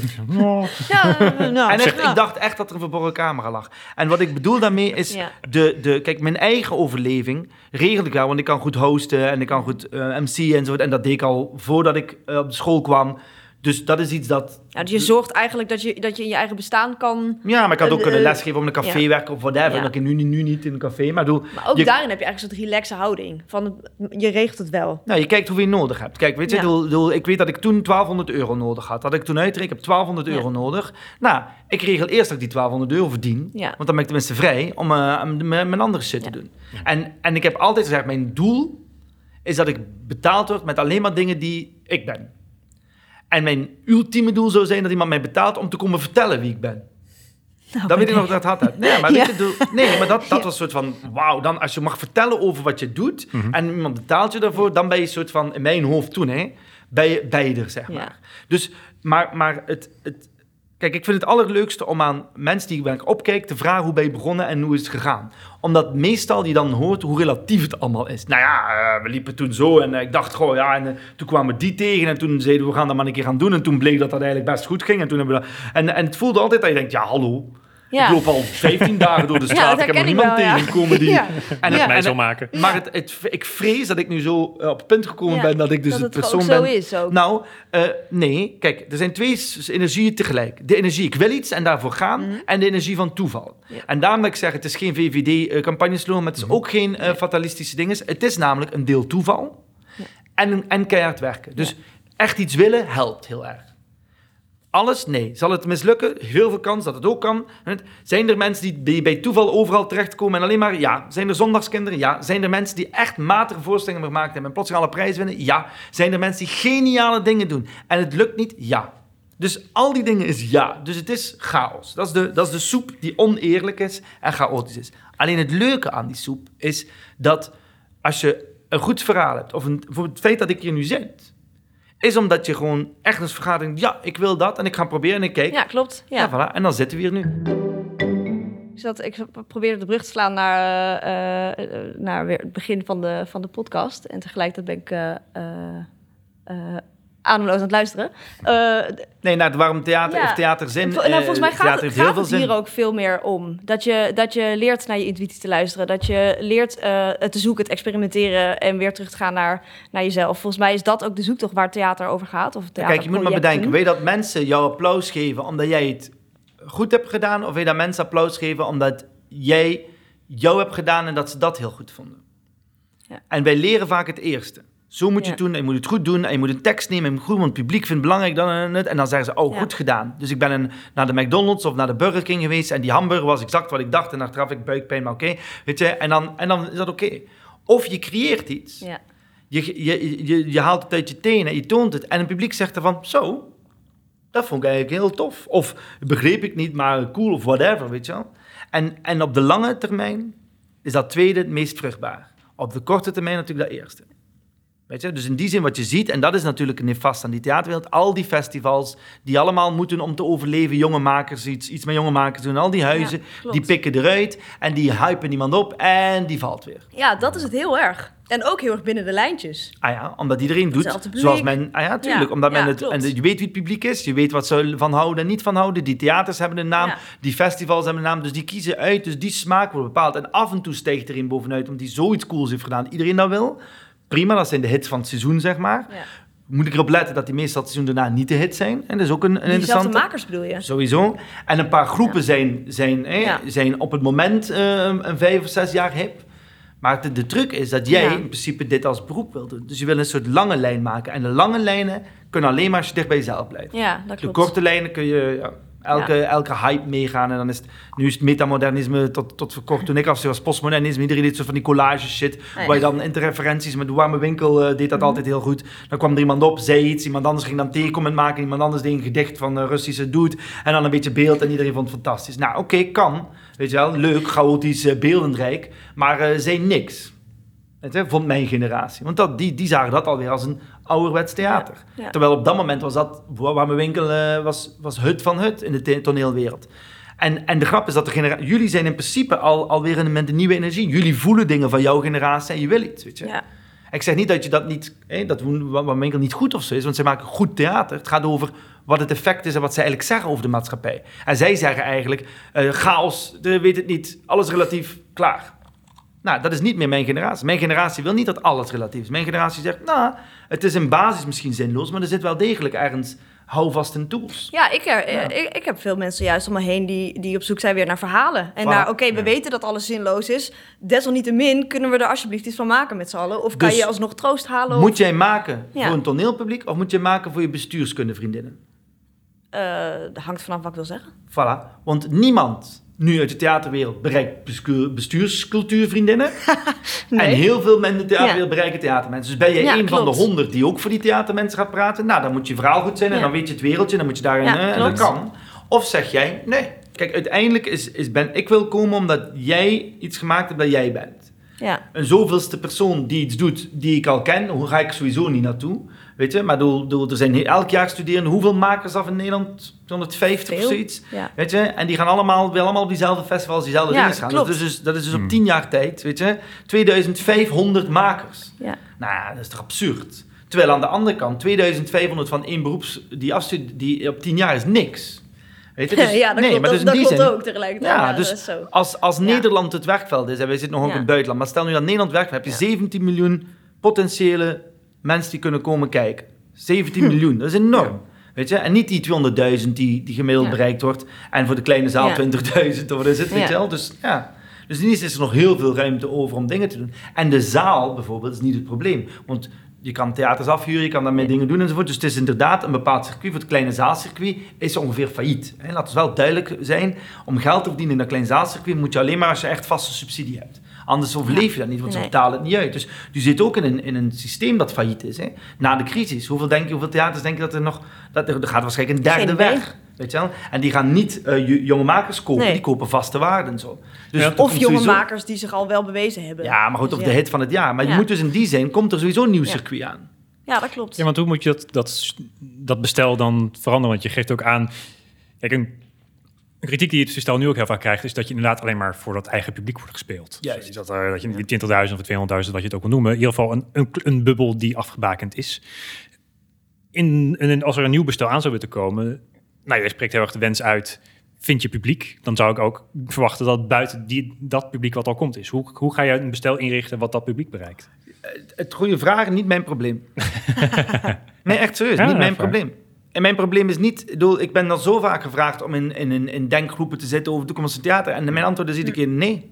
Maar heb je daar echt geen idee over? Of wil je, wil je, daar wil je niet... Nee, ik heb, ik heb twee keer de speech gedaan voor het congres van Theater Podia over de toekomst van, eh, van Podia. Twee keer dezelfde speech. Heb je dat nooit gehoord? Dat was echt Nee. dat was een, een, een leuke schandaal. Ik had dus zoveel jaar geleden, vroegen ze mij om de speech te doen voor eh dus de Theaterpodia van Nederland, had een congres.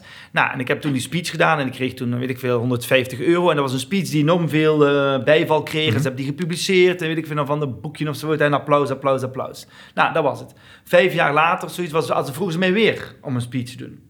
Nou, in die vijf jaar, mijn hele oproep is natuurlijk geen reet veranderd. Dus ik dacht, ik doe exact dezelfde speech. Alleen vraag ik dit keer wel geld voor. Namelijk gewoon wat ik normaal verdien, weet je. Want ik bedoel, eh, dat ik toen voor niks heb daar gestaan. Dus ik vroeg gewoon mijn 500 euro, weet je, om daar die speech, gewoon exact dezelfde speech. Dus ik heb die speech gedaan en op het einde zei ik, u heeft natuurlijk, en weer applaus en, en ja, exact dezelfde reactie van de mensen. Ik zeg, u heeft natuurlijk allemaal door dat ik deze speech vijf jaar geleden ook gedaan heb. Hè? En de vraag is natuurlijk, wat heeft u in tussentijd nu eigenlijk gedaan hiermee? Want we kunnen dit soort bijeenkomsten doen. En dus, nou, dat was echt de helft statement. stond op en de, en de andere helft was gewoon, voelde zich genaaid. En, en, nou, dat was dus, dus ik had veel impact. Hè? En dan ben ik klaar. Ik heb twee keer voor hen gesproken. Ik hoef niet nog een keer te spreken. Ja. Maar goed, heb- is ook best... Oké, dat is dan één ervaring met, met hen. Eh, Maar hen bestaat niet. Dit is allemaal goed. Dit zijn goede Ja. mensen. Dus het is niet de. de, de ik bedoel, eh, toen dat de theaterwereld, eh, weet ik veel, in een van een protestactie wou doen in 2008 en nog een keer in 2012 was het weer. Ja. Nou, dan zit je ook bij Frascati. Zitten er allemaal twintig van die makers samen die aan ruzie aan het maken zijn wat, wat het statement gaan worden. Want het zijn allemaal kapiteins die allemaal een ander idee van vorm hebben. Kijk, ik, dat interne geneuzel. A, het wordt niet betaald. Dan vind ik het al belachelijk. En B, het helpt mij niet, zeg maar. Ik, ik, ik voel er geen enkele noodzaak bij. Wat ik wel interessant vind, is jonge mensen steunen. Daarom Mhm. zit ik hier ook. Wij begeleiden heel veel jonge mensen. Wij helpen. Wij investeren mee in, in, in jonge mensen als die, als die proberen hun eigen wereld te doen. Dus ik vind doen. Ja, dus dat is jouw doen, manier om, om, om eh, daarin van waarde te zijn. Ja, en wij, wij, wij bespreken dat ook als groep. Hoe gaan wij onze waarde Ja. toevoegen aan een, aan een vakgebied? Alleen dat vak zelf, die wereld van dat vakgebied zelf, die heel graag heel veel praat onderling over hun eigen Ja. vakgebied. En god, dat Maar publiek alleen toch? onderling. Want Natuurlijk. dat vind ik wel. Ik vind dat, ik vind dat is wel echt erg. Dat, er, dat, dat, dat dat alleen maar onderling is. En dat, dat die vertaalslag niet wordt gemaakt. Ja, maar kijk, de buitenwereld is eng. Dat is één. De gemiddelde publiciteitsmedewerker van een, van een theatergroep of van een theater is bezig met eh, flyers en mails versturen en, eh, en af en toe een leuk filmpje op Facebook enzovoort. En dat is het. Die zijn overwerkt en die zijn daarmee al overwerkt, hè, omdat het zoveel is. Dus laat staan dat die nog een nieuw publiek gaan zoeken. Dus het is een heel ander soort wereld. Alleen, er gebeurt veel meer vernieuwing dan je denkt. Omdat dat, nogmaals, dat, dat, dat kasteel waar je tegen kijkt dat je wel of niet wil innemen, staat eigenlijk op een soort leeg veld. En daar rond heb je allemaal dorpen. En sommigen Ja. hebben kastelen. Ja. Nou, dus mijn antwoord is vooral, sta je niet blind op die berg, Die berg gaat vanzelf wel of wel of niet afbrokkelen of zo. Ja, en doe gewoon je eigen Ooit zei ding. Teu Boermans, we, ze, mijn stoel, ze moeten de, poten, de, waar is de jonge generatie de poten van mijn stoel wil eh, doen. En ik werd voor een reactie gevraagd. Ik zei, ik wil die stoel helemaal niet, man. Ik wil niet zitten op een stoel. Ik wil gewoon rondlopen en dingen doen, dat wil ik doen. Dus laat hem zelf zitten op zijn stoel.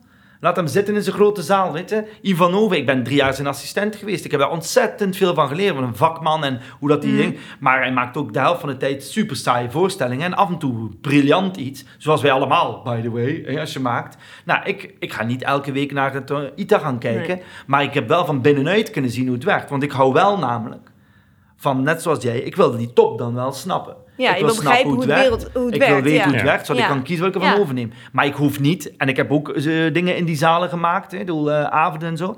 Maar ik hoef niet te doen wat hij doet. Ik hoef niet met een ensemble dat te doen. Nee. Als je dat ambieert, moet je dat doen. Maar Ivan Over zei net, zei ook toen tegen mij, van... Wij begonnen met feesten te geven, met performances in. Weet je, wij deden kaarsverkoop om zo voorstellingen te doen. Wij zijn niet begonnen met wat we nu doen. We zijn hier Ja. gekomen. Dus begin alsjeblieft niet met ons na te doen. begonnen. Hij zegt, Ja. doe gewoon wat je wil doen, man. En je komt Ja. vanzelf wel ergens. Dus dat hij nu toe het grootste theater van Nederland Ja. runt... Ja. is omdat hij daar toevallig is gekomen. Niet omdat hij altijd gaat... En nou, ook, ook weer dezelfde combinatie, denk ik. Dus deels door toeval en deels door elkaar het werken. Yes. Ja.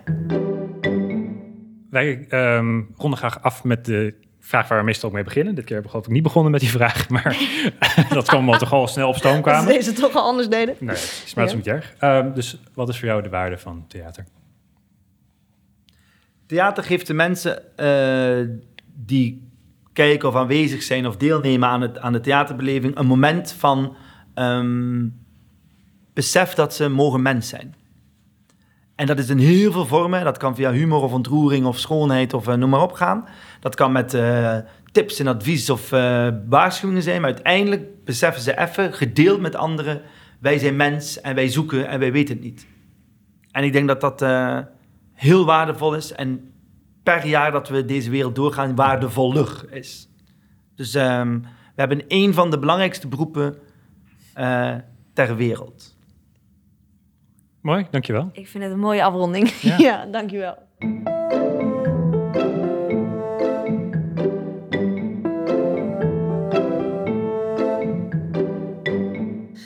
Dat was het gesprek met Lucas. Ja, jeetje. Word er even stil van. Ik ook. Ik vond het een. eh, ja, ik vond het vooral ook echt inspirerend, moet ik zeggen. Het is iemand die, die echt een visie heeft op wat het leven is en moet, ook zou moeten zijn. En dat, heeft hij, dat steekt hij niet onder stoel of banken. En ook in dit gesprek kwam dat heel duidelijk naar voren. Ja, daar is hij vrij ehm, compromisloos in. Dat is een woord dat bij mij opkwam. Dat hij eigenlijk in alles wat hij doet heel ja, compromisloos is. Hij, hij sluit geen com- compromissen, maar hij, hij gaat vol voor wat hij vindt of denkt of wil. En, en ja, hij is, eigenlijk, hij is vrij extreem in zijn opvattingen maar, en hij handelt daar ook naar. Dat vond ik heel... Het is heel doelgericht ook. Want dat, Ja. wat, wat jij compromisloos noemt, en dat snap ik ook wel, dat zit er ook wel in. Maar hij is ook wel heel erg op zoek naar. Nou, maar dit is het publiek en daar wil ik die impact hebben. Impact Ja. kwam een paar keer naar voren Ja. als iets dat heel belangrijk is. En, en, en in zekere zin, weet je, hij is niet iemand die zegt: ik, ik ben theatermaker en ik maak alleen maar voorstellingen en men, komt, men ziet maar of, of die komt. En dat is ook een manier van compromisloosheid. Terwijl het voor hem veel meer is: nee, ik heb een verhaal wat ik wil vertellen en ik wil iets bereiken. Ja, en precies. dan ga ik de vorm daarvoor zoeken en daar maak ik dan geen compromis. Ja, ja, dat, dat bedoel ik, denk Ja. ik. Dat hij, eh, dat hij gewoon vol gaat voor wat hij vindt. Sommige mensen vinden heel veel, maar handelen daar niet echt naar. maar hem, hij, hij heeft zijn hele leven ingericht daarvoor. Ja. Ehm, ik vond ook de intro heel grappig. Eh, ik ben al, eh, al 13 jaar oprichter en directeur van, van een stichting, terwijl hij is 38. Daarom vroeg ik het ook. Eh, Dat is best lang om ja. ergens een scepter te zwaaien. Nou ja, je. vooral als je kijkt wat hij daarvoor al allemaal heeft gedaan. Want de grap is dat hij heel erg best wel kritiek had, of in elk geval tegen het systeem van, Mhm. van theater, of het theaterveld, dat woord wilde hij niet gebruiken, maar eh daar tegen, tegenaan schopte. Maar hij heeft allerlei prijzen gewonnen. Hij heeft eerst heel erg in dat systeem het beste eruit gehaald op heel jonge leeftijd. Wat ik super knap vond. Want hij had, terwijl hij op zijn opleiding zat, al prijzen gewonnen. Mhm. En daarna heeft hij, nou, wat hij vertelde, regieassistent bij ITA, of toen nog toneel op Amsterdam. Eh, dus hij heeft eigenlijk in het systeem de trucjes geleerd, zoals hij het zelf noemde. En daarna gedacht, ik wil een ander publiek bereiken. Of in elk geval, ik wil vanuit mijn eigen verhaal starten. Ja, vanuit zijn Ja. eigen groei is hij het ontgroeid in die vorm. Ja, in zekere zin. Dat klinkt ergens ook... Klinkt alsof het, ja, maar Ja. is, het, is niet, het is niet negatief bedoeld, maar, want het is, het is ook het is gewoon gewoon wat zijn, het is. voor hem wat het is. Ja, Ja, Het is zijn persoonlijke groei daarin. ja, ja. Ja, en wat ik verder heel grappig vond, was dat het gewoon een soort coaching sessie werd. Ik, dat was helemaal niet Ja, ik voelde me wel gecoacht inderdaad. Ja, ik, voelde me- me ik voelde me ook geïnspireerd daardoor, maar het was een effectieve sessie wat dat betreft. Ja, ja, ja, maar ja, dat, eh, er, er kwamen nogal veel tips voor, voor mij als jonge maker of voor ons als podcastmakers. En wat hij ook zei, je, je, dit is ook theater, want je geeft je zoektocht vorm, deze podcast.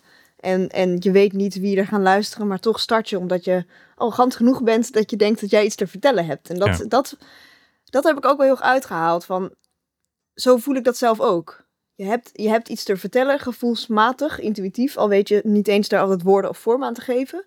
En dat is wat je doet met projecten. En zo is deze podcast ook begonnen, dus dat klopt ook in zekere zin. Ja, we hebben ook iets te vertellen wat we blijkbaar in deze vorm nu hebben gegoten. Ja, en waarbij we ook aan het zoeken zijn naar of deze vorm Ja. werkt of, of misschien wel niet. Eh, ja. Oh ja, wat ik ook heel grappig vond was dat die, ehm, dat verhaal over die, die stoelpoten. Dus hij zei, er werd mij om een reactie gevraagd dat de Boermans had gezegd, waar is de nieuwe generatie die de stoelpoot onder mijn stoel vandaan zaagt? En dat hij zei, joh, laat hem lekker zitten op zijn stoel, ik ga iets heel anders doen. En daarvan dacht ik, oh ja, wow, dat is, dat is pas echt out of the box. Dat is pas echt eh, tegen het systeem aanschoppen in, in zekere zin. Of eigenlijk is het dus niet schoppen, maar hij zegt ik... ik Het systeem bestaat, ik laat het, in, in, laat het voor wat het Ja. is. Ik bouw mijn eigen, mijn eigen wereld. ja, en, en prima dat dit, dat dit blijft bestaan. En er zullen altijd mensen zijn die dit ook interessant vinden. Maar een nieuwe generatie heeft een andere code of een andere taal nodig. En, en ik ga op zoek naar hoe ik, hoe ik hen kan bereiken. En dat, dat vond ik er heel tof aan. Omdat het echt een pleidooi was van blijf bij jezelf en bij je eigen intuïtie. En ga op zoek naar wie jij bent, wat jij wil maken. Ehm, en neem daarin je werk serieus. Oh. Eh, dat vond ik ook wel een hele mooie. Dus het, het ego wat minder belangrijk en het werk wat belangrijker. Ja, ja en neem jezelf, jezelf minder serieus met wat je doet belangrijker laat, maar tegelijkertijd ook neem je eigen zoektocht wel serieus. Want Ja. het is wel, het komt wel voort uit een, het leven is fucking zinloos, zei hij ook. Ehm, maar dat accepteren en zeggen dan is het dus zinloos. Nee, we zoeken naar wat er wel zin heeft. We gaan zelf zin vormen, zingeving Ja. bedenken. En dat, dat is weer heel erg jezelf daarin serieus nemen en ja, naar je eigen stem luisteren. Daarin. Ja, en dat vond ik ook super inspirerend. Dat je inderdaad, je kan denken het leven is zinloos. Nou, dan kap ik ermee. Maar je kan ook het juist als een oproep zien om er dus juist twee keer zo hard voor te knokken om het Ja. zoveel mogelijk zin te geven. Het maakt dat productief. Het maakt het, het niet weten. Ik weet het niet productief, want ik weet het ook maar niet. Dus ik ga er, ik ga er wat van maken. Ja, precies.